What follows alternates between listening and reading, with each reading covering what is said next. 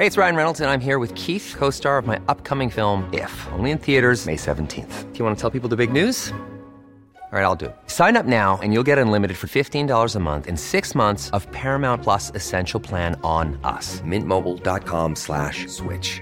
Upfront payment of $45 equivalent to $15 per month. Unlimited over 40 gigabytes per month. Face lower speeds. Videos at 480p. Active Mint customers by 531.24 get six months of Paramount Plus Essential Plan. Auto renews after six months. Offer ends May 31st, 2024. Separate Paramount Plus registration required. Terms and conditions apply if rated PG. When you're ready to pop the question, the last thing you want to do is second guess the ring.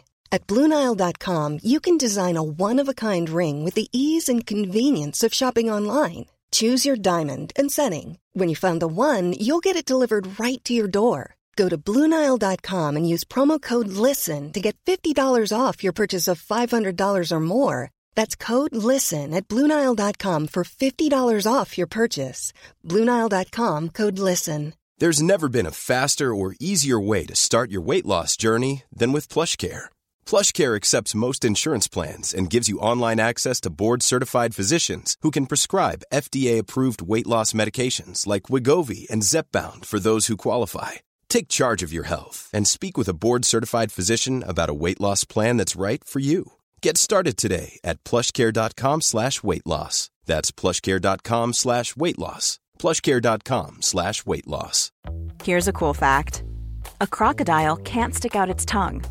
Another cool fact, you can get short-term health insurance for a month or just under a year in some states. United Healthcare short-term insurance plans are designed for people who are between jobs, coming off their parents' plan, or turning a side hustle into a full-time gig. Underwritten by Golden Rule Insurance Company, they offer flexible, budget-friendly coverage with access to a nationwide network of doctors and hospitals. Get more cool facts about United Healthcare short-term plans at uh1.com. I'm amazed how many people own stocks. They, they would not be able to tell you why they own it. They couldn't say in a minute or less why they own it. Actually, you really press them down, they'd say the reason I own this is the sucker's going up. There's enough cash in the financial system, and there's an infinite amount of cash at the Federal Reserve. An infinite amount Put of cash. Put that check in a money market mutual fund. Then we'll reinvest the earnings into foreign currency accounts with compounding interest, and it's gone. So they had to do something. All they had left was just to print money and start buying things. And that's what they did. Quick buck artists come and go with every bull market, but the steady players make it through the bear market. They say money can't buy happiness. Look at the fucking smile on my face. Hej och välkommen till ett nytt avsnitt av Market Makers med pristint ljud. Kan man säga pristint på svenska Fabian? Ja, äntligen har man mikrofonen igen. Det känns ju så bra att podda med mikrofon istället för sin mobiltelefon. Ja, känns skönt att vara hemma igen också, inte på resande fot. Jag ska i och för sig bort iväg i helgen igen. Eh, första utlandssemestern på väldigt länge faktiskt, eh, på grund av den här pandemin. Ja, jag, Men, ja, jag ska också på min eh, första utlandssemester på väldigt länge. Jag ska nämligen till du Spanien. bor ju i utlandet. Ja, men jag ska nämligen till Spanien i... i och du var ju i- Italien förra veckan. Vad snackar du om? Jag är en klimatkämpe. Ja, verkligen. Eh, Men vi ska inte prata om varken klimatet eller utlandssemestrar, utan vi ska prata aktier idag som vanligt. Och det blir ju veckans tre snabba som vanligt, som jag tror dessutom blir fyra stycken eventuellt. Vi får se. Eh, Och sen ska vi faktiskt prata ett litet aktivistcase som vi har snokat upp, som jag tror kan bli intressant. Eh, Som jag tror kommer, framförallt, vad säger man, kittla våra nördlyssnare lite extra. Kommer det vara ett li lika bra aktivistcase som Bill Ackman i Netflix? Ja, just det. Netflix. Vi kommer komma in på Netflix alldeles strax. Men innan dess ska vi säga att det inte är någon rådgivning rekommendation vi håller på med den här podden. Vi pratar om vår process och hur vi tänker, gör alltid en egen analys dock och glöm aldrig att alla investeringar är förknippade med Risk. Denna vecka har medtech-bolaget Monivent anslutit sig till aktier. Ladda ner aktier-appen AXYER för att se en sammanfattning på deras senaste kvartalsrapport. Vi säger stort tack till Aktier och Monevent. Ja, det är ju den 20 april när vi spelar in det här Fabian, alltså 420, det här kända datumet inom eh, eh, cannabiskretsar. Kan man säga cannabiskretsar? Ja, vi säger det. Inom stonerkulturen är väl det korrekta ordet. Och eh, det var ju några år sedan här när Elon Musk twittrade på skämt om att han skulle köpa ut Tesla från börsen och han skulle göra det just på 420 dollar per aktie. Det här var ju jätterabalder, han vart ju, åkte in i domstol och det ena och det andra, vart dock inte dömd. De förlikas ju på något sätt, eller hur det var. Men eh, poängen där det var att han hävdade ju att nej, men han hade fått enligt honom ett seriöst förslag från några, jag tror att det var några från Saudiarabien som skulle hjälpa honom att ta ut Tesla från börsen och man skulle då landa på ett pris för 417 dollar per aktie. Och då tyckte han det var skojigt att skruva till det och skrev 420 istället då på grund av just den här äh, Mariana-referensen. Det vart ju inte så bra för det där är ju äh, liksom securities fraud, alltså det är ju ett, äh, det är marknadsmanipulation i dess högsta grad. Men han vart inte fälld vad jag kan minnas i alla fall, utan kör vidare. Och sen följer hela det där så han köpte ju uppenbarligen inte ut det. Men nu är han ju ute igen och snackar om att han ska köpa ut eh, Twitter istället för 54,20 dollar per aktie. Så han har slutat med de här skämt, eh, skämtsiffrorna. Man kunde ju tro att han skulle säga 69 dollar per aktie. Du, du, har, du har ju ändå 420 där, 420. Just det, du såg inte 54,20. Ja, du ser. Eh, och det här är alltså en 40% i premium då mot vad Twitter handlades i innan han skrev det här. Och aktien har gått upp, men den ligger fortfarande tror jag, 10% under den här budnivån. För det är väldigt skakigt och oklart om han faktiskt kommer få igenom det här budet. Dock såg att Avanza, jag tror det var Niklas Andersson på Avanza, twittrade häromdagen om att antalet aktieägare i, på Avanza i Twitter då, har tredubblats sedan den här tweeten. Så att han har definitivt fått upp intresset för Twitters aktie. Ja, eh, oavsett vad man tycker om Elon Musk så måste man ju säga att han är ju ett marknadsföringsgeni. Jag menar, hela Teslas market cap, det är inte på grund av bilarna, det är på grund av Elon Musk och hans jävla memeability. Eh, han, är, han är extremt smart. Han förstår sig verkligen på internet och hur du skapar en kultföljning. Men jag, jag tycker det här med Twitter är väldigt intressant, för som sagt, jag själv och jag vet många andra anser ju att han har ju byggt hela Tesla på Twitter. Det är liksom marknadföringsorganet för Tesla som har gjort att det har blivit världens största bilbolag. Världens högst värderade bilbolag menar du va? Ja, världens högst värderade bilbolag. Ibland det, Vi kommer få, man kan definiera på olika det, sätt. Det är lätt att slänga runt med termer, men självklart menar jag så. Och det visar ju på att Twitter är ju väldigt, väldigt värdefullt ur liksom, informationsspridningsperspektiv. Men ur ett finansiellt perspektiv så har ju bolaget varit en varit en katastrof. De har ju aldrig kunnat få snurr på bolaget rent finansiellt. Nej, och det där är så intressant, för Twitter har ju en väldigt speciell ställning. De har en stark ställning. Twitter är ju minst lika stark som Facebook, Instagram eller något annat på sin egen nisch. Men som du säger, de har ju verkligen aldrig lyckats monetarisera på det. Det har varit otroligt och det har varit snack om det i många år. Jag tror vi har tagit upp det i podden förut att snart, ja men nu kanske man börjar hitta en väg att monetarisera, men de lyckas ju aldrig. Medan Facebook verkligen täljer guld ur sina, sina sociala medier. Exakt, man har ju haft några liksom, kvartal där man har gått med vinst på Twitter, men överlag så har man ju bara gått med förlust och man har förlorat hur mycket pengar som helst och ändå har man suttit eh, värderat till 30 miljarder dollar. Ja, och, vilket... och, det borde ju ändå gå att lösa, men, men man ser ju det själv om man bara ska liksom, eh, eh, lyncha lite och gå ut från sin egen erfarenhet så ser man att annonserna på Twitter är ju horribelt dåliga och alltid helt orelevanta. Till skillnad från på Facebook och sådär. Eh, och även Google-annonser, där ser man jättetydligt också, de är ju superbra. De är ofta det man söker efter, dyker ju upp där Google-annonserna, man får klicka ofta på dem. Eh, Amazon är superbra på ads och även LinkedIn har ju verkligen med Microsoft som driver det, har ju verkligen också lyckats senaste åren och växer ju fenomenalt starkt. De har liksom hittat också sin nisch. Men Twitter liksom misslyckas ju bara gång på gång. Hoppet har ju alltid funnits. Jag, jag tror ända sedan, jag, ja, ända sedan Twitter noterades så har man ju sett bullcaset för Twitter att snart kommer de få snurr på plattformen för att om man bortser från det finansiella är ju Twitter en väldigt bra plattform. Det är essentiellt för nyheter, analys, olika kommentarer och så vidare. Eller commentary som det heter på engelska. Eh, allmänt vill du vara först med att läsa någonting, förstå någonting, så har det alltid varit Twitter som gällt. Eh, och sen kommer ju de, liksom, de bästa tidningarna, de bästa journalisterna, de är alltid dagar eller till och med veckor sena i att rapportera vad som är som händer eller kommer med jag menar, lika djup insikt som olika använder på Twitter. Och det där tror jag bygger lite på att Twitter är anonymt och på ett helt annat sätt är ett flöde med saker som händer. För Facebook och Instagram, då får man ju bara saker från dem man följer. Men på Twitter får du ju in väldigt mycket saker från andra människor på ett helt annat sätt. Så det blir ju verkligen ett, som du säger, ett nyhetsflöde. Sen är det mycket overifierat och mycket fake-saker som dyker upp. Och det är väl därför tidningen alltid dröjer efter, för de måste ju verifiera saker på ett annat sätt. Men det är jättekonstigt, och de har ju jättemycket, om man bortser också från, som du säger aktietwitter eller finanstwitter, så har de ju dessutom många av världens största politiker, många av världens största politiska experter, jättemycket journalister och så vidare. Alltså det är verkligen mycket experter som finns på Twitter. Så det är ju en, en superrelevant och stor plattform, men de lyckas aldrig tjäna pengar på den. Ex exakt, så kvaliteten i informationen du kan få där om du bara lär dig sortera är helt galet. Du kan ju lätt 10xa din inlärning på, på ett år bara genom att sortera fram de bästa användarna och få den bästa informationen. Men allmänt så har ju Twitter, de är lidit av att ha en extrem kass management. Eh, och man, man kan ställa sig frågan nu varför vill de inte sälja till Musk? För tittar man bara på aktien, då har den legat flat sen notering. Reellt sett så har det ju torskat pengar på grund av inflation. Så att det här är en uppenbar uppsida för aktieägarna. Eh, styrelsen ska agera i aktieägarens bästa, men de vill inte sälja till Musk. De lägger in en så kallad poison pill för att de ska motverka det här. Ja, och den här poison pillen, vi ska inte gå in på detaljer om det, men det är helt enkelt ett upplägg i aktier som man kan göra för att eh, på sätt och vis då försöka eh, frånta Musk hans kraft egentligen kan man säga. Exakt, jag, jag tycker det här, jag, jag, undrar verkligen vad är incitamentet för styrelsen? För, för det första, de äger knappt någonting i bolaget. Det är ingen där som har liksom en procent eller mer av bolaget. Alla sitter på långt under en procent av, av ägande i bolaget.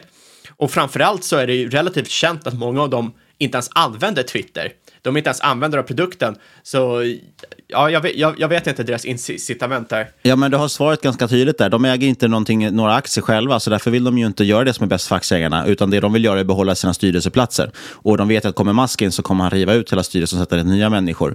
Så att de vill ju bara behålla sina jobb. Alltså det är helt övertygad om att fortsätta plocka lön. Det, det är extremt rimlig analys och det tror jag problemet är här också. Och tittar man på däremot vad, vad liksom det publika vill, alltså vad folket vill så att säga, och Twitteranvändare, så kan man ju titta på att det går väldigt mycket teorier och spekulationer nu om att det Musk bland annat kommer göra att ta tillbaka Trump till Twitter. För att Musk pratar ju mycket om att han vill bevara yttrandefriheten. Han pratar ju förut om att skapa ett eget socialt medium, en konkurrent till Twitter, för att han vill bevara yttrandefriheten, säger han.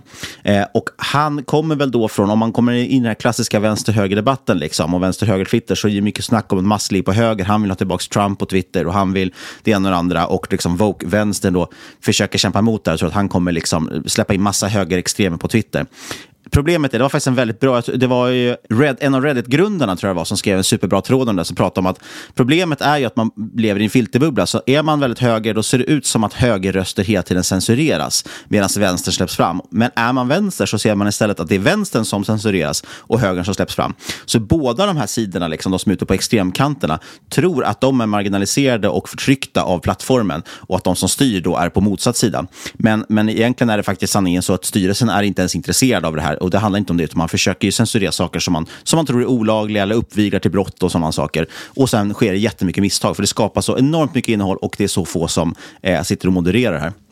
Men så, så, det är ju en, en take också, därför många har ju hotat nu med att, att de ska av, eller försvinna, sluta använda Twitter om Musk köper. Och det är för att de då är, är emot Trump och de tror att Musks plan är att ta tillbaka Trump. Varför han nu skulle bränna så många miljarder dollar på bara för att få tillbaka Trump på plattformen.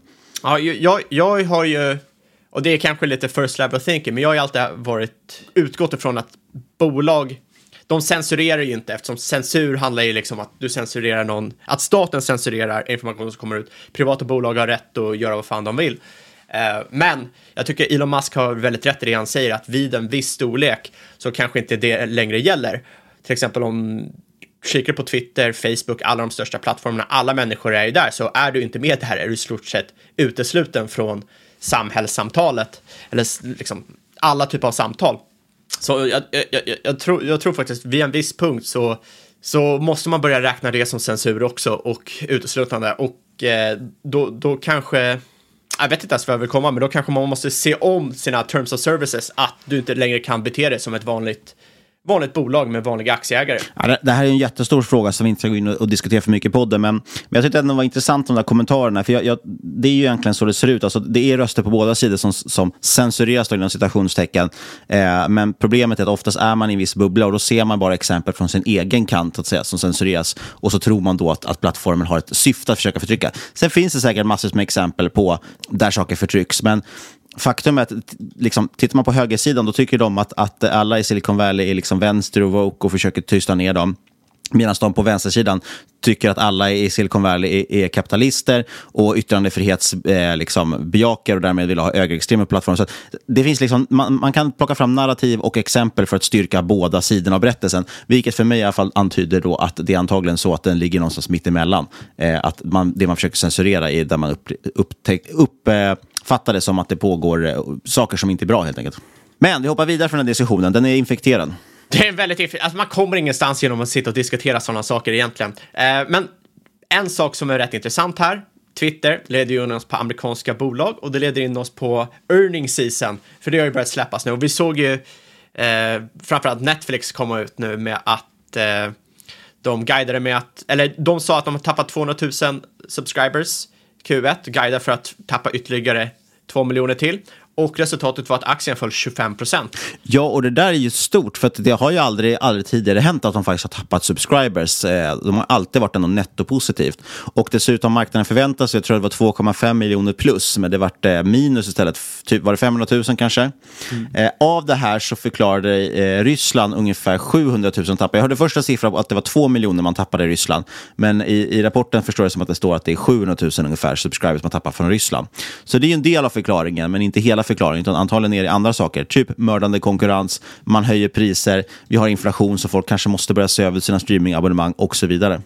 Ja, jag, jag, jag tycker det är intressant där, för att man har ju alltid sagt att många konsumentbolag, till exempel Netflix, har extrem stickiness. Eh, men tänk om de har lägre stickiness än vad de flesta tror. Eh, det skulle vara ödesdigert för många bolag, för det innebär att churn helt plötsligt, när folk får lite sämre ställt, ökar drastiskt. Och det innebär ju att alla de här bolagen kommer bli slaktade. Framförallt blir det väl svårare inom just streaming av video eftersom det har kommit så många konkurrenter som är rätt bra också. Eh, och man kan inte alla abonnemang.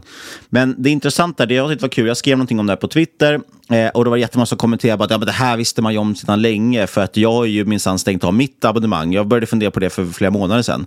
Eh, och det där tror jag också är lite farligt misstag att folk utgår väldigt mycket från att bolaget ska prestera beroende på vad man själv tänker kring sitt abonnemang. Ja, För jag kan dumt. lika gärna också säga att, att enda abonnemang jag aldrig har stängt av någonsin, det är ju Spotify och eh, Netflix. Eh, jag tror att jag har haft en månads uppehåll på jag vet inte, fem år eller någonting. Och jag skulle aldrig se en anledning till varför jag skulle stänga av Netflix. Det skulle väldigt mycket till. Ja, det, Eh, Det är bara en sån som ligger och tickar, precis som Disney Plus numera också, för att jag har barn. Eh, och sen ligger Spotify, för det finns ingen annan musiktjänst som jag ens skulle snegla mot. Men sen andra tjänster, ljudbokstjänster kan komma och gå, och andra videotjänster beroende på, ja men nu släpps det en ny säsong av någonting på HBO, och då kör man det två månader för att kolla på den serien och så vidare. Eh, och jag fattar dock att, bara för att jag har Netflix hela tiden och inte skulle kunna tänka mig att stänga av den, så betyder inte det att alla andra tänker likadant. Det finns ju supermånga som tycker att innehållet där är svindåligt, så så det beror på vad man, vad man är intresserad av. Men det där är ju också en del av den här first level thinking, att man sitter och Verkligen. kikar på kvalitet, att det är kvaliteten som styr. Och det, liksom, kvaliteten spelar ingen roll, det är uppmärksamheten som styr hur mycket tid du lägger Jag, på jag tror, produkt. den, jag tror det, det jag spenderar mest tid med på Netflix just nu det är att kolla på gamla avsnitt av Seinfeld. Alltså, och, så det, och det skulle ju många anse att det är ganska låg kvalitet och ganska gammalt dåligt innehåll som man redan Ja, har sett. det, det är egentligen bara att kolla på liksom så här, ja men sitter du och säger att ja, men HBO eller Disney kommer vinna över Netflix för de har bättre filmer och serier, då av samma liksom det spelar ingen roll, för i så fall skulle till exempel Mr. Beast på YouTube inte ha några views alls, för det är ju såklart mycket sämre kvalitet och produktionskvalitet än vad Netflix har. Eh, det styr, det, liksom, kvaliteten styr inte i slutändan, det är hur mycket uppmärksamhet någonting kan få och generera views, det är det som drar pengar. Och Netflix har ju visat sig, jag säger inte liksom att det är någon anledning att gå ut och köpa Netflix, men att bara sitta och kolla på kvaliteten på filmer och serier som släpps spelar ingen roll. Det är ju, man måste kika på totala biblioteket och vad det attraherar, eller hur mycket ögon det attraherar. Men det är intressant i alla fall, för Netflix följer ju 15-20% på sin senaste rapport också. Återhämtade sig ganska starkt, framförallt efter att Bill Mackman gick in där. Det pratade vi om ju i, i podden när det skedde. Och nu faller man då 15-20% i efterhanden även efter det här. Vi får ju se hur den öppnar upp här nu senare under dagen. Ni som lyssnar på det här imorgon vet ju redan facit där. Men det är intressant ändå, och många av de här darlingsen som man trodde aldrig skulle kunna gå ner verkligen visar sig nu först att de har gått ner, gått väldigt svaga och att det oftast finns en anledning till det. Eh, för att Netflix har ju faktiskt gått, kommit in mycket sämre. Men då tänkte jag lyfta en liten Twitter-snackis som rapporterar idag och det är ju Played. Eh, där har ju nu börjat kanske vända lite för den har ju också varit en sån som har gått ner. Den har ju gått ner jättemycket, jag tror mer än halverats. Eh, och sen kom ju siffrorna in svagare, precis på samma sätt som Netflix. Men nu verkar det ha vänt lite grann. Eh, nu idag, 20 april, kom den in med omsättningstillväxt på 34 procent, når nästan 100 miljoner i omsättning. Eh, rörelseresultatet ökar kraftigt tack vare att marginalerna stigit från 15 till 20 procent, så det är en tydlig marginalförbättring. Och framförallt intressant att se det är att Norge växer 167 procent. Tittar man på antalet installationer, alltså hur mycket Plejd som installeras, så är det över 200 procent tillväxt. Även Finland och Nederländerna växer starkt, vilket också är kul. De är, de är väldigt nya marknader och det är där man vill se, som jag pratade om sist, att de verkligen etablerar sig och kan börja växa. Eh, i Sverige ökade installationerna 23 procent, så även här finns ganska god tillväxt. Eh, och resultat per aktie dubblas i princip. Och den här aktien är nu upp 13 procent i skrivande stund, eller poddande stund. Men som sagt, ni lyssnar ju på det här först imorgon torsdag. Och apropå Plaid så måste jag också nämna Note, som är ju en av de som levererar till Plaid och som ofta lyft Plaid som en del av sin framgång. De rapporterar också en riktigt dunderrapport, tror också den har stigit 10 procent den aktien. Och det är kul. Note är ju en kontraktstillverkare. Deras stora megatrender som driver dem just nu, det är ju framförallt det man pratar om är att mycket produktion nu flyttar hem så att säga till Europa för att man är rädd för Kina. Note har en del tillverkning i Kina, men också mycket i Europa, så många flyttar till dem nu. De är jätteduktiga på att leverera och på något jäkla sätt så lyckas de liksom undvika hela halvledarbristen och allting och ändå kunna leverera till sina kunder. De löser alltid det åt kunderna, därför man, man har dem som, som leverantör. Och den kom in jättestarkt. Vd sa dessutom att det är ett fantastiskt bra orderläge, så det kommer väldigt mycket liksom, nya ordrar. Så att man, man väntar sig kunna växa minst 30 procent under 2022, trots den här skakiga marknaden. Och det ska man dessutom göra med ökade marginaler. Q1 nu, så det de rapporterar nu, då ökar man försäljningen 64 procent från föregående år. Varav då organisk tillväxt, de har eh, justerat för förvärv men också valutaeffekter.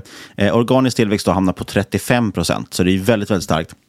Rörelseresultatet ökar 90 procent och rörelsemarginalen gick från 1, äh, eh, ökade 1,3 procentenheter. Så man är nu nästan uppe i 10 procents rörelsemarginal.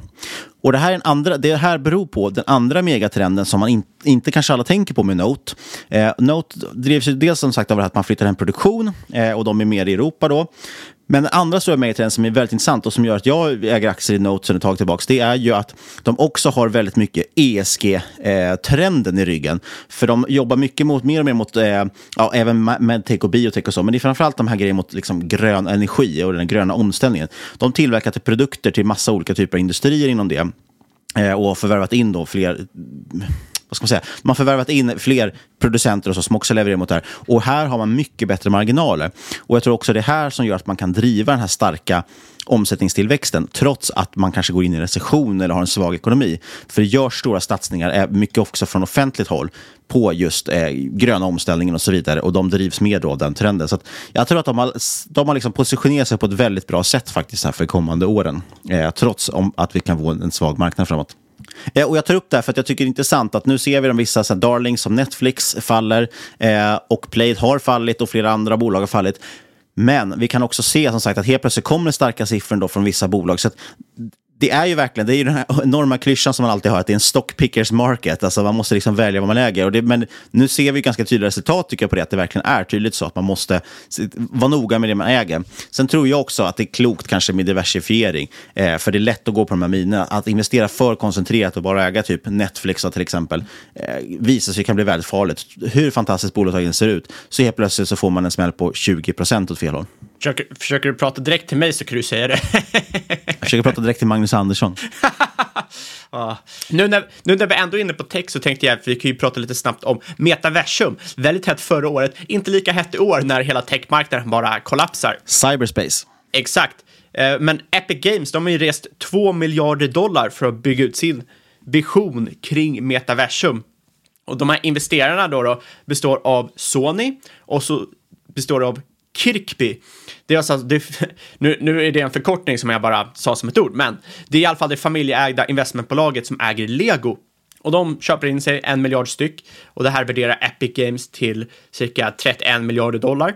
Men det här är rätt intressant, för det här är lätt, rätt lite pengar som de investerar jämfört med till exempel Meta, Eh, men jag tycker också att det är rätt intressant här för att vd och grundare Tim Sweeney har allmänt varit väldigt, ske väldigt skeptisk till Meta och liksom så här individuella bolag som vill in i the metaverse och metaversum. För att han anser liksom om ett bolag får kontroll över metaversum så kommer det bli det mäktigaste bolaget på hela jorden.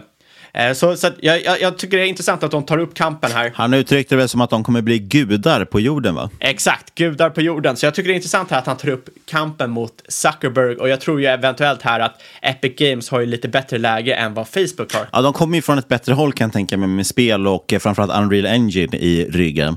Eh, men det är intressant ändå att han har uttryckt Exakt, så. de är mer uppbyggda där. Det är ändå intressant att han uttrycker som att de kommer bli gudar på jorden. Det säger ju ändå något om att han har en väldigt positiv tro om metaverse eh, som, som koncept. Ja, exakt, men han vill ju inte att, han, han vill inte vara som en Ready Player One, att det är ett bolag som kontrollerar. Han vill ju bara vara som en liten spelare där och så är det ju som en eh, ett väldigt stort nätverk.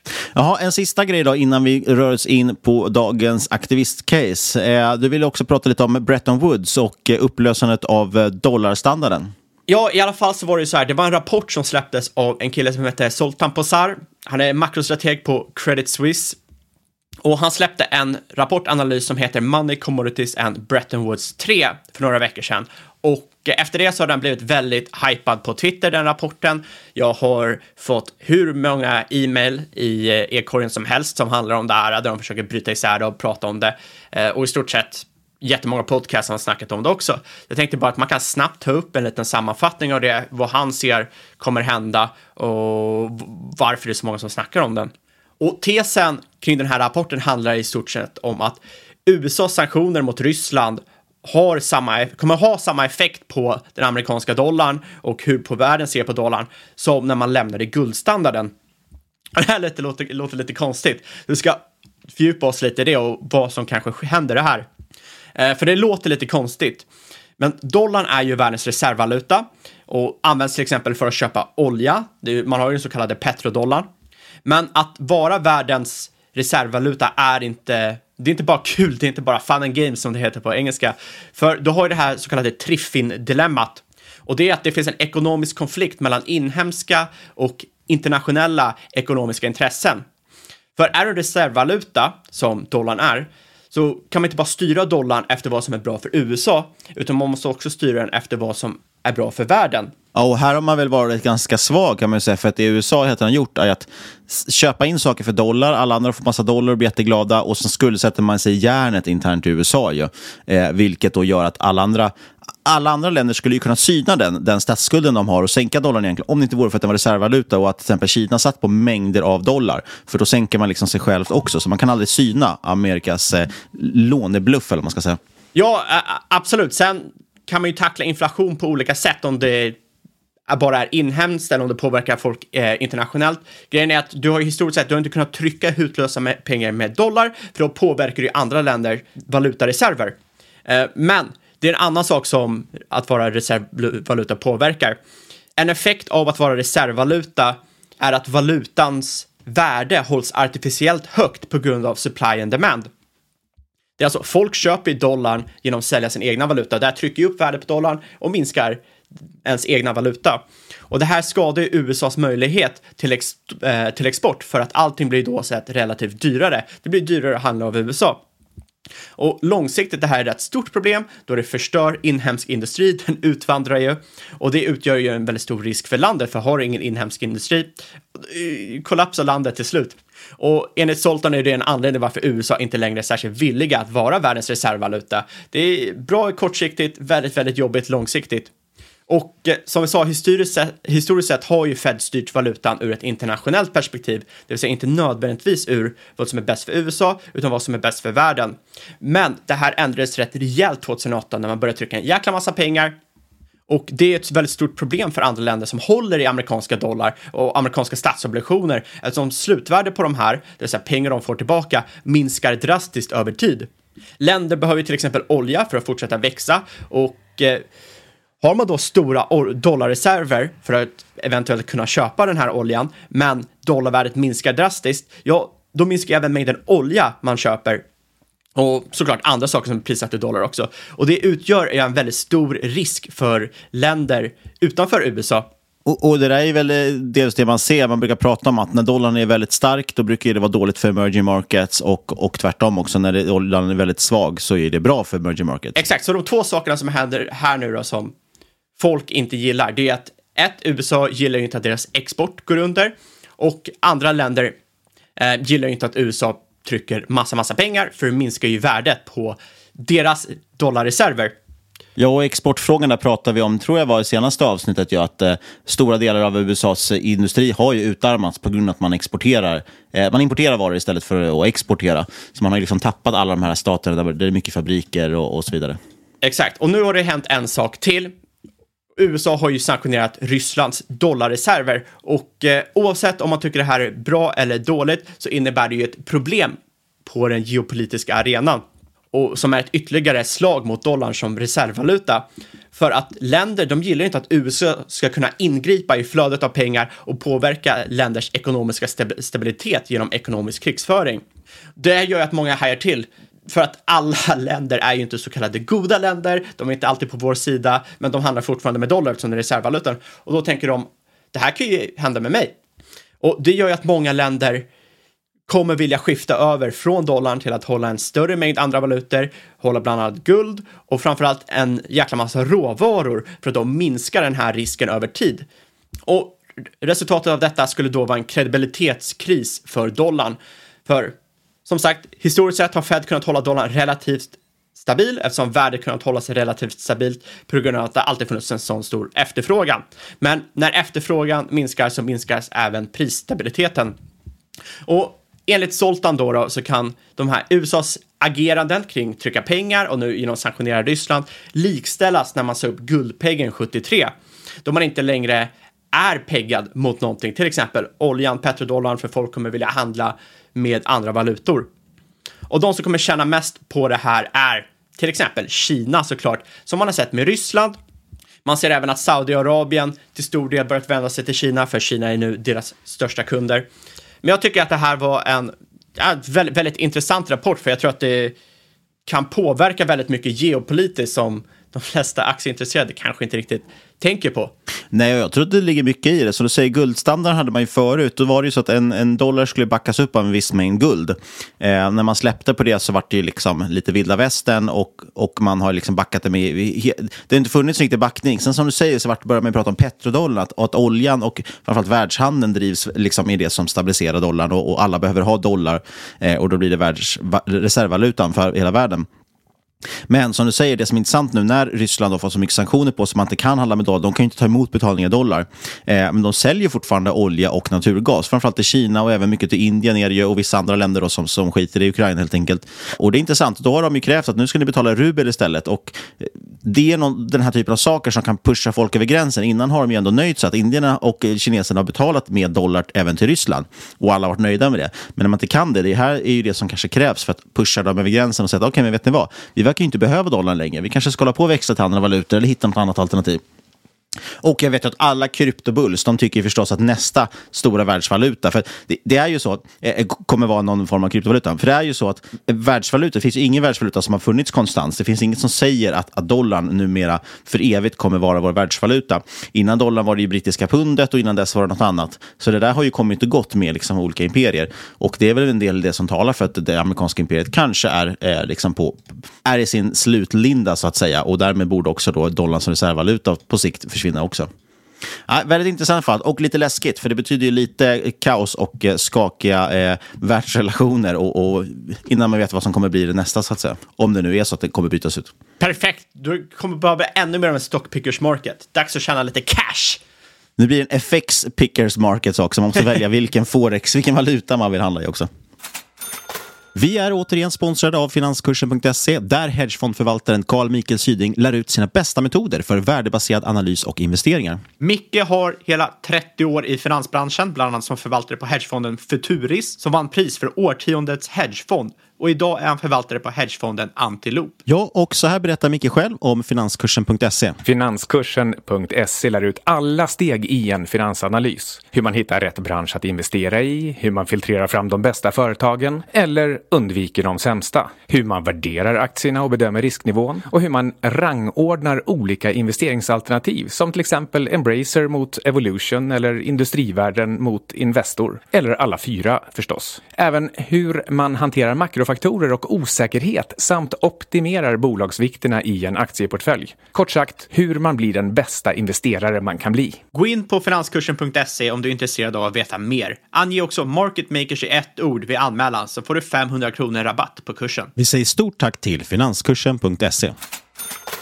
Avslutningsvis här så tänkte jag dra upp ett aktivistcase som jag tyckte var rätt intressant. Och eh, Först och främst, är det någon som gillar Magic the Gathering? Vet du, vad, vad har, du, har du någon relation till Magic the Gathering, Fabian? Vet du vad det är? Ja, självklart vet jag vad det är, men jag fastnar aldrig för det. Det var ingenting jag spelade när jag var liten. Jag var mycket mer av en eh, tv-spelsnörd. Däremot lirade jag lite Hearthstone när det kom ut, men eh, det var ju också digitalt. Men det, det, var ju rätt baserat på Magic the Gathering som var ja. den första stora kort, kortspelet på det sättet. Och, och och nu är vi kommer komma in lite på det också för att eh, Magic the Gathering finns ju också Magic the Arena tror jag det heter, och det är ju en Hearthstone-kopia fast med Magic-kort. Eh, Magic är helt enkelt ett, ett eh, samlarkortspel säger man väl kanske på svenska. Alltså det är ett kort som man samlar på och sen så spelar man med varandra med de här korten. Jag tror att de flesta, kanske ännu fler, har en relation till Pokémon-kort. Eh, och Pokémon bygger ju på exakt samma system egentligen, men det är Pokémon på korten. Och de som faktiskt äger Magic the Gathering var också de som lanserade Pokémon-korten, kan tilläggas också. Vi kommer komma till det när vi kommer in lite på historia här. Så Magic the Gathering, jättestor franchise som jag tror många lyssnare känner igen. Och Dungeons and Dragons, ännu större och dessutom äldre vill jag minnas också. Eh, och det är ju helt enkelt världens största rollspel får man väl ändå säga. Eh, och det är alltså fysiskt rollspel. Man köper en regelbok och sen så sitter man och ritar, eh, eh fyller i och skriver på papper och slår med tärningar och sen så fantiserar man ihop historier tillsammans. Jättestort populärt, har växt jättemycket de senaste åren också. Och framförallt tror jag mycket på grund av att man sagt allting, alla former av liksom nischer och, och nördkultur och så växer ju enormt tack vare internet.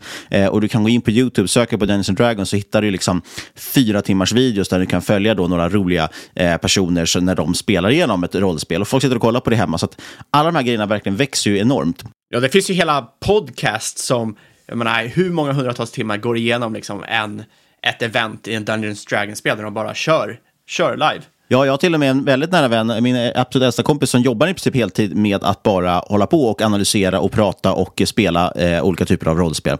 Eh, så det har ju blivit en enorm industri. Men varför pratar jag då om Magic och varför pratar vi om Dungeons and Dragons? Jo, de här spelen och franchisen äger, ägs av ett bolag som heter Wizards of the Coast. Och Wizards of the Coast i sin tur ägs av Hasbro. Och Hasbro tror jag alla känner igen, men vi ska ändå prata lite bakgrund där.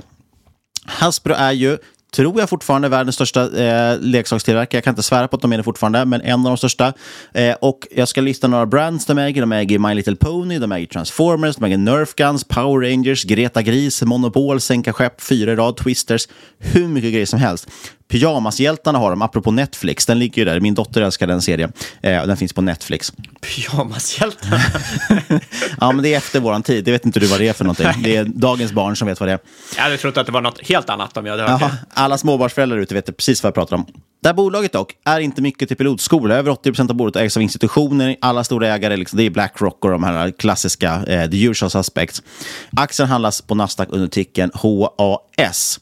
Och man firar faktiskt 100 år som bolag nästa år, 2023. Jo, och att jag tar upp det här med pilotskolan, att det liksom inte är någon som äger det här. Det är lite samma som du pratade om i Twitter, att ingen i styrelsen knappt äger aktier i bolaget. Eh, jag kommer återkomma till det, för det är lite en del av caset här just, eh, och den här aktivistgrejen. Men jag vill ändå dra lite historia. Jag tycker ändå coolt att vi pratar om ett nästan 100 år gammalt bolag i podden, som faktiskt började för då, år 1923 med att sälja textilier och, och sen pen, pennskrin och annat skolrelaterat. Men när deras pennleverantör började tillverka egna pennskrin, då svarade Hasbro det hette de inte, de hette inte Hasbro på den tiden. Eh, de svarade med att själva tillverka egna pennor då istället. Första leksakerna kommer dock eh, 1900, ja, på, kring 40, 30 och 40-talet. Det är modell, modellera och sen doktorskit och sånt, man kan klä ut sig och så. Eh, och först 1942 blev man primärt en leksakstillverkare. Och den första riktiga hitten, vet du vilken deras första stora hit inom leksaker var?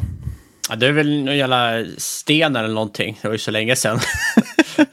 Nära, en potatis. Mr Potato Head, som alla känner igen från Toy Story-filmerna. Den där köpte man in, den, den IPn, under 1952.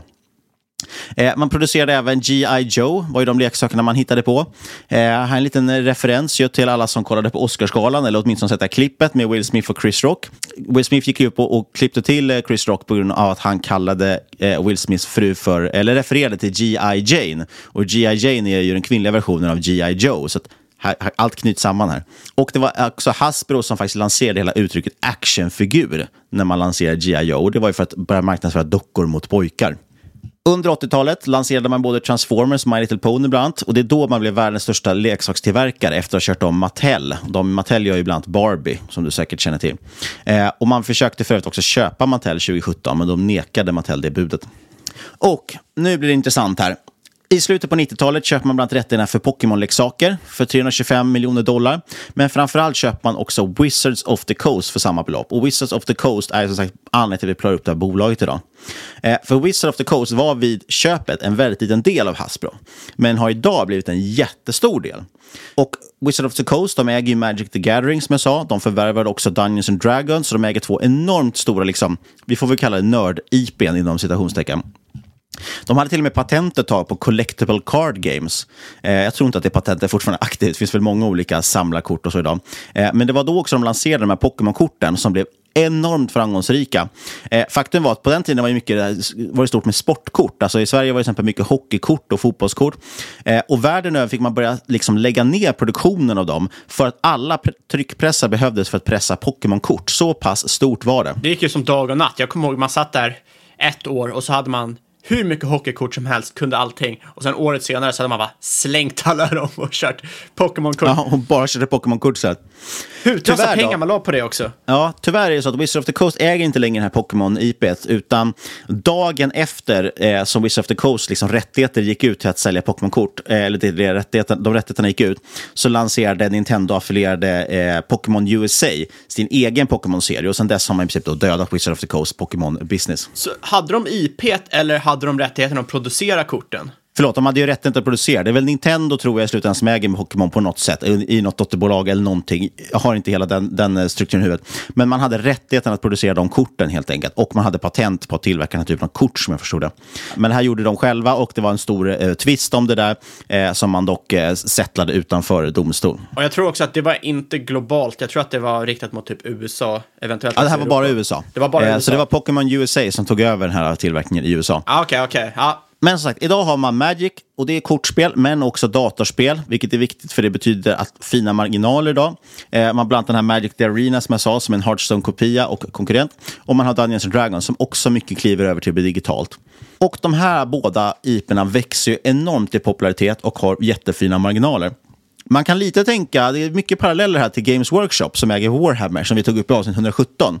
Det är den här typen av IP och grejer som man kanske höll på med, många höll på med som barn men sen glömmer bort. Men det betyder också att man glömt bort att det finns jättemycket vuxna människor som faktiskt håller på med det här och som idag är väldigt kapitalstarka och kan köpa mycket prylar. Och det som hände inom Hasbro, Wizards of the Coast har blivit en jättestor del och 2021 nu presenterar man en ny bolagsstruktur där man delat in Hasbro i tre delar, där Wizards of the Coast är en av de här tre delarna. Och man står faktiskt för närmare hälften av omsättningen i hela Hasbro idag. Det är helt galet. Konsumentdelen. ja, ja, men det har växt enormt snabbt. Eh, och sen har man en konsumentdel som man kallar den. Det är My Little Pony, brädspel och så vidare. Eh, det är också ungefär hälften av omsättningen. Så den är alltså lika stor som bara Magic the Gathering och Dungeons and Dragons är alla andra IPn. Transformers, My Little Pony, allt det räknar upp. Alla brädspel som Monopol och så vidare. Så att det är liksom, det här bolaget är ju nästan bara liksom Magic och eh, Dungeons and Dragons på sätt och vis. Sen finns det en liten entertainment-del som heter E1 som står för drygt 10 procent. Där har man liksom inte tv-spel och dataspel och sånt. Entertainment helt enkelt. Eh, den går ju urdåligt. Där har man, den la man massvis med miljarder på att köpa och man betalar fortfarande av på de skulderna. Det är ett väldigt dåligt, eh, gav inte så mycket värde för det förvärvet. Det låter ju konstigt, men när man tänker efter är det ju rätt självklart. För att som du säger, alla de här nördkulturgrejerna har ju haft en extrem booming market. Det har blivit varit jättestort intresse samtidigt som leksaker, det har ju dött ut. Ja, och, och det går mycket mer cykliskt tror jag, leksaker också. Helt plötsligt, just nu är det ju väldigt mycket eh, Frost, alltså Disneys Frost som folk vill ha. Eh, ett annat tag så är det, sen helt plötsligt blir My Little Pony och det liksom växlar ju lite vad som är populärt och så vidare. Nu har man en så stor portfölj så det, det kompenserar väl ut varandra. Men i slutändan, så man kan ju inte få upp några liksom 10-20% tillväxt i, i leksaker helt enkelt, utan det ligger ganska konstant med liksom tillväxten av barn, som ju går åt fel håll. Vi har ju faktiskt en, en, en åldrande befolkning, så att man säljer ju mindre och mindre leksaker egentligen varje år. Eh, så. Re, ja, re, rent allmänt så såg man väl en väldigt stor disruption i leksaker där efterfrågan minskade drastiskt, fortfarande inte återhämtat sig efter att Apple släppte sin iPad. Vilket är rätt intressant, för när man kikar på olika typer av disruptors brukar man kolla i samma fält, man kollar inte något helt annat. Ja, den är jätteintressant, och, och större barn leker ju mindre med leksaker för de köper tv-spel istället och dataspel. Och som säger, mindre barn köper ju också appar nu istället och, och använder iPad istället. Men Alta Fox Capital, vad har vi på dem Fabian? Ja, Alta Fox Capital, ja, det är väl någon jäkla skitfond som har dragit några softa analyser vi har pratat om i podden förut. ja, de är bara kända i Sverige typ och det är för att de har ibland varit inne i N-Labs och Evolution och då är de ju vida kända i Sverige. Nej, men Alta Fox är duktiga, det, det är en ganska ung kille tror jag som driver det. Och så gjorde de den här rapporten på 100 baggers. Ja, de är, de, det är en ganska ung kille som driver tror jag, men de har varit väldigt framgångsrika. De har dock inte hållit på så länge, men de har ett väldigt bra track record den perioden de har hållit på. Eh, och han hade väldigt bra track, track record innan också, det är därför han har fått skapa en fond. Eh, de är framförallt long only, de har väl lite hedgar, men annars är det framförallt att de investerar i enskilda aktier. Och framförallt drivs de lite av lite aktivistcase. Eh, två exempel vi kan nämna. De gick in i ett bolag som hette Collectors Universe. Det här ökade sen i värde 240 procent efter att de gick in, nominerade nya styrelser och så vidare och drev på massa förändringar som de ville göra i det här bolaget för att öka värdet på det. Och, och, och det, det, alla kanske för sig inte är med på vad en aktivist är. En aktivistfond, Bill Ackman är också en aktivistfond. Det är ofta att man ser någonting som man kan göra ett bolag och man vill driva igenom en förändring. Och man gör det genom att gå in, eh, köpa upp en stor andel och så driva den här förändringen som en av de största aktieägarna. Eh, de var ju också inne i N-Labs, eh, det här svenska bolaget, som fick ett bud på sig som många tyckte var dåligt. Vi hade ju Hans Isos i podden bland som pratade om det och tyckte att det här budet var dåligt. Eh, Altafox Capital gick ihop med ett antal stora aktieägare, bland annat Hans Isos, och förhandlade upp det här budet så man fick 30 procent över det första budet, vilket då blir en liksom, fin vinst för Altafox Capital genom att driva igenom den förändringen. Och nu har ju de då kommit ut med en rapport om just Hasbro. Den hade titeln Hasbro Let Wizards Go och de lanserar även hashtag Free the Wizards som man kör med friskt på Twitter. Så Hasbro är en av deras största positioner, eller är den största positionen i fonden. Och de driver nu caset att just spinna ut Wizards of the Coast, det här dotterbolaget, som en egen verksamhet. Särnoterade helt enkelt. Och man tror att aktien kan stå i över 200 dollar år 2024 om det här, går genom, om det här genomförs. Och det motsvarar en uppgång på över 100 procent från dagens 83 dollar som aktien handlas i. Så att det handlar egentligen bara om att försöka ta ut den här Wizards of the Coast-delen. För som jag sa, den är jätte, har blivit växt jättestort, den växer fortfarande jättefint och ser ut att göra det framåt. Eh, varför inte lyfta ut den ur det här så att man faktiskt får transparens i det, man får synlighet i det. Eh, och framförallt, vi kommer komma in på det, så är ju liksom Hasbro-aktien den handlas ju som man säger som en slow growth consumer toy business. Det är en ganska trött verksamhet som säljer leksaker. Eh, men den delen är ju bara 50% av omsättningen idag den värderas ju inte efter de här liksom snabbväxande Magic och Dungeons and Dragons IPerna. Så, så, folk missförstår aktien ganska mycket. Eh, och dessutom så använder man mycket av pengarna från liksom, Wizards of the Coast till att finansiera dåliga saker. Till exempel det E1-förvärvet som inte har gett något aktieägarvärde överhuvudtaget. Smart. Smart. Och det här hänger ihop med pilotskolan som jag pratade om. Att nästan ingen i styrelse och ledning äger typ aktier i bolaget. Och det kanske förklarar varför man inte bryr sig om aktieägarvärdet. Man bryr sig om att bygga ett imperium så man själv kan höja sina löner eh, istället för att liksom, driva aktieägarvärde. För man äger inte själva särskilt mycket aktier. Det är precis det vi pratade om i Twitter. Wizards of the Coast, alltså det växte över 40 procent 2021. Det var ju då också dessutom coronadopat. 2020 växte man ju också starkt, mycket på grund av corona tror jag, att många stannade hemma och, och spelade spel och så på nätet och, och köpte kort och så vidare. 2021 så växer man 40 procent och det är då alltså mot de här coronasiffrorna. Eh, och man har närmare 50 procent ebitda-marginal. Det här är ju liksom, låter ju som ett SAS-bolag eller någonting. Och, och, det är ju liksom väldigt annorlunda från resten av den här leksaksverksamheten. Och Den här delen förtjänar enligt Altafox en premiumvärdering. Eh, men man tycker att styrelsen och ledningen är dåliga på att synliggöra den här delen. Så därför har man nu liksom själv då föreslagit en ny styrelse och vill driva den här särnoteringen. Som jag sa, det har växt väldigt mycket. 2016, det är bara vad blir det, sex år sedan, stod Wizards of the Coast för enbart 20 procent av totala ebitda som Hasbro genererade. Idag står den för runt 50 procent. Helt galet. För 20... Snart är hela bolaget Wizards of the Coast. Ja, och det var först 2021 nu man började särredovisa den här delen och faktiskt sa att det var en division av bolaget. Eh, men man vägrar fortsatt redovisa flera viktiga KPI för den här delen. Och som sagt, då skulle man kunna ställa frågan varför inte bara särredovisa det här och ha mer transparens på det? Jo, men poängen är ju som Salta Fox säger att man använder pengar från den här kassaflödeskon till att finansiera dåliga investeringar, en annan delen. Och faktiskt, det var ganska intressant. Man pratar om det, det finns ju egentligen inga tydliga synergier mellan de här bolagen. Det finns ingen anledning att de ska sitta ihop i samma bolag egentligen. Eh, det är enbart att, att ledningen då vill liksom driva på och tjäna mer pengar själva troligtvis det var faktiskt en Wizard of the Coast-anställd man lyfte fram, som var lite kul. Han sa att ja, men det finns synergier, men de går bara åt ett håll. Och det är att Wizard of the Coast genererar kassaflöde som då Hasbro har stora synergieffekter på att investera i saker som inte ger någon avkastning. Eh, enligt den här anställda så ligger man ungefär tio år efter idag jämfört med vad man hade kunnat lägga på grund av att liksom Hasbro, Hasbro övriga delar drar ner Wizard of the Coast. Och enligt Altafox så betalar man då idag eh, de har satt en ganska konservativ värdering av konsument och underhållsdelen. Vad betalar man då för att få Wizard of the Coast-delen? Jo, det är ungefär 12 gånger ebitda. Eh, och ska den här särnoteras så tycker de att den borde kunna handlas för 20 gånger ebitda. Vilket då ger en uppsida på, de här, på över 100 procent. Så det är mycket det caset bygger på. Just nu utgör man sagt runt hälften av koncernens ebitda. Men trots att den här delen bara blir liksom större och större och är snabbväxande och höglönsam så handlas ju fortfarande Hasbro till samma multiplar, till och med lägre än vad det gjorde för några år sedan. Och mycket av det tror jag beror på att folk missförstår, missförstår det här bolaget väldigt grovt. Man tror fortfarande att det handlar om leksaker primärt, men idag är liksom Wizards of the Coast nästan den största delen.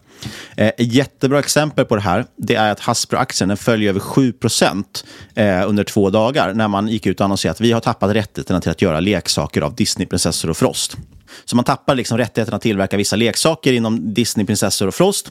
Eh, då tappar aktien 7 Och det låter ju motiverat om man är en stor leksakstillverkare. Men faktum är att det här utgjorde mindre än 1 av Hasbros omsättning. Så det var ju liksom en ganska insignifikant del och ändå faller aktien 7 Eh, och ett annat exempel på dålig ledning det är det här köpet av EU1 som jag pratade om, underhållsdelen. Man köpte den för 4,5 miljard dollar 2019 och man har fortfarande som sagt miljardskulder man försöker jobba av, jobba av nu. Och det gör man genom bland annat kassaflöde från Wizard of the Coast.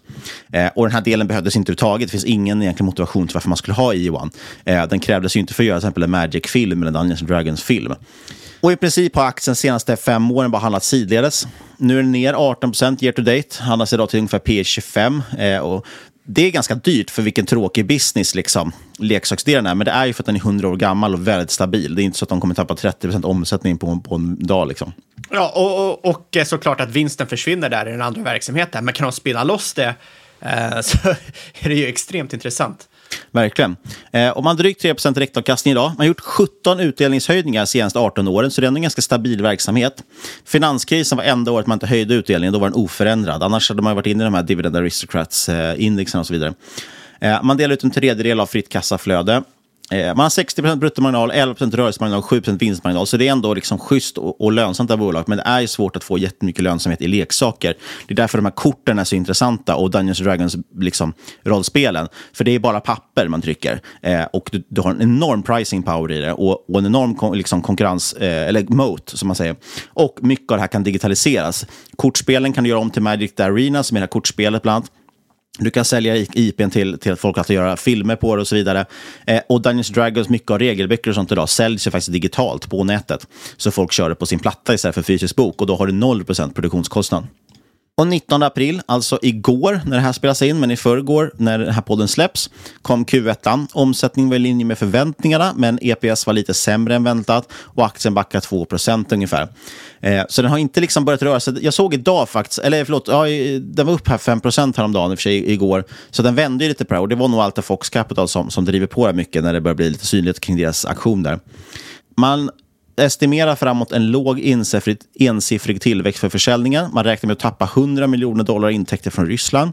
Eh, däremot ska rörelsemarginalen upp till 16 procent istället för 11 procent. Så man tror på sämre oms ganska svag omsättning framåt, men högre rörelsemarginal. Och det tror jag beror på att Wizard of the Coast-delen växer så pass mycket och har högre marginaler Medan övriga verksamhet går ganska svagt och har dåliga marginaler. Liksom. Men Wizards of the Coast-delen ökar och därmed ökar marginalerna på det man omsätter.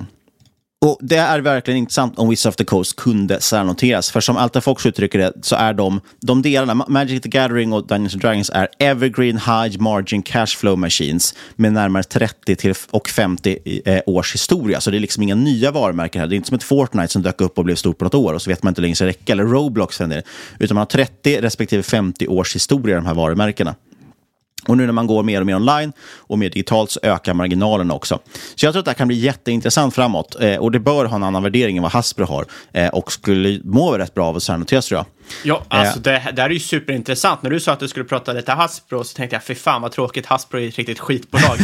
eh, men just att man, man har aktivister inne nu som vill särnotera Eh, Wizards of the Coast och eh, få ut liksom Magic the Gathering och Dungeons Dragons och så vidare i ett separat bolag. Det är ju otroligt intressant. Ja, och jag, jag tror att nyckeln i det liksom ligger, eller triggern här, om man ska fundera på en trigger på vad som ska driva en aktie så är det just att, att vi faktiskt har kommit in aktivister.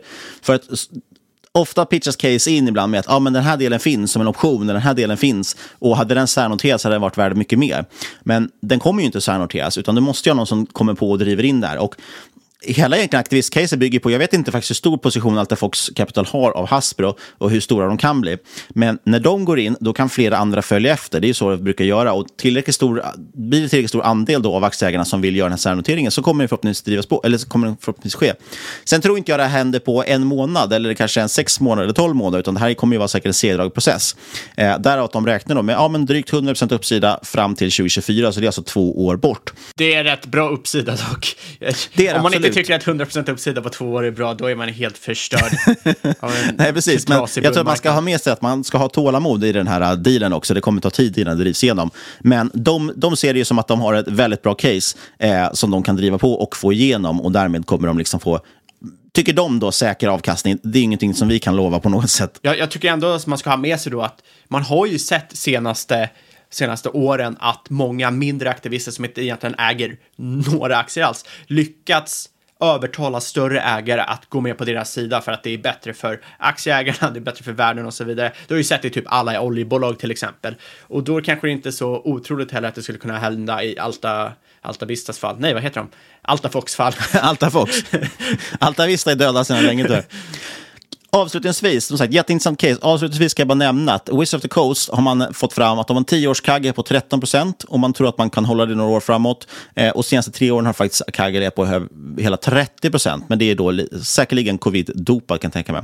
Men så jätteintressant och vi, vi får väl försöka lägga en länk till den här rapporten i avsnittbeskrivningen, annars kan man bara söka fram Alta Fox Capital och hitta dem på Twitter och så vidare, så delar de massor med intressant material om man vill gräva vidare själv. Det, det, det var faktiskt ett rikt, riktigt intressant case. Jag, ty, jag tycker att sånt här är Uh, otroligt roligt, lite annorlunda från vad man brukar se då det är liksom, ah, köp det här bolaget, kagge 15 procent om året. Uh, här är det så väldigt, väldigt tydligt vad utfallet är. Och så är det lite kul när det finns två sidor också, så man kan heja på den ena sidan lite grann. Ja, exakt. lite, lite mer som fotboll. Lite innehållsförteckning då. Vi har pratat om en mängd bolag här i introt, bland Twitter och så vidare. Det är väl ingen av oss som äger aktier i Twitter. Och sen så har vi pratat om Hasbro här. Jag äger inga aktier i Hasbro, men när jag tittar på det, jag är väldigt intresserad av faktiskt det här, men jag upptäckte det ganska nyligen. Eh, jag håller på att gräva vidare lite grann och kommer kanske köpa lite aktier inom, inom kort i Hasbro. Jag tycker att det är rätt kul case och, och, och intressant. Och jag, och jag liksom gillar Alta Fox Capital och vad de har lyckats med tidigare. Ja, rygga bättre investerare funkar alltid. Nej, men det, det, jag, jag, som jag sa förut, jag tycker det här låter fett intressant. Alltså. Precis, men vid poddinspelningar av aktier, vi tror oss inte heller kunna påverka kursen och nämnvärt det här bolaget. Däremot förhoppningsvis så ska väl Alta Fox Capital kunna göra det. Oavsett dock vad vi äger och Alta Fox Capital äger så är det inte någon rådgivning i den här podcasten. Utan alla åsikter vi är och gäst och eventuella sponsor tar inget ansvar för det som sägs i podden. Tänk på att alla investeringar är förknippade med risk och sker under eget ansvar. Vi vill rikta stort tack till veckans två samarbetspartner. Det i Finanskursen. Gå in på finanskursen.se och registrera dig. Skriv Market Makers ett ord när du anmäler dig så får du rabatt på kursen. Och sen så vill vi också påminna om att Monevent, medtechbolaget, har anslutit sig till aktier. Så gå in på AXYER, kolla länken i avsnittbeskrivningen och ladda ner aktieappen och se eh, sammanfattning av senaste kvartalsrapporten som Monevent har lämnat. Kontakta oss på podcast at marketmakers.se om du vill eh, kommentera den här podden eller glid in direkt på Twitter at marketmakerspod eller varför inte i aktier-appen där vi också finns på marketmakers. Lämna gärna en recension på iTunes så vi stiger listorna. Och sist men absolut inte minst, vad vill du göra då Niklas? Då vill säga stort tack för att du har lyssnat, kära lyssnare. Vi hörs igen om en vecka.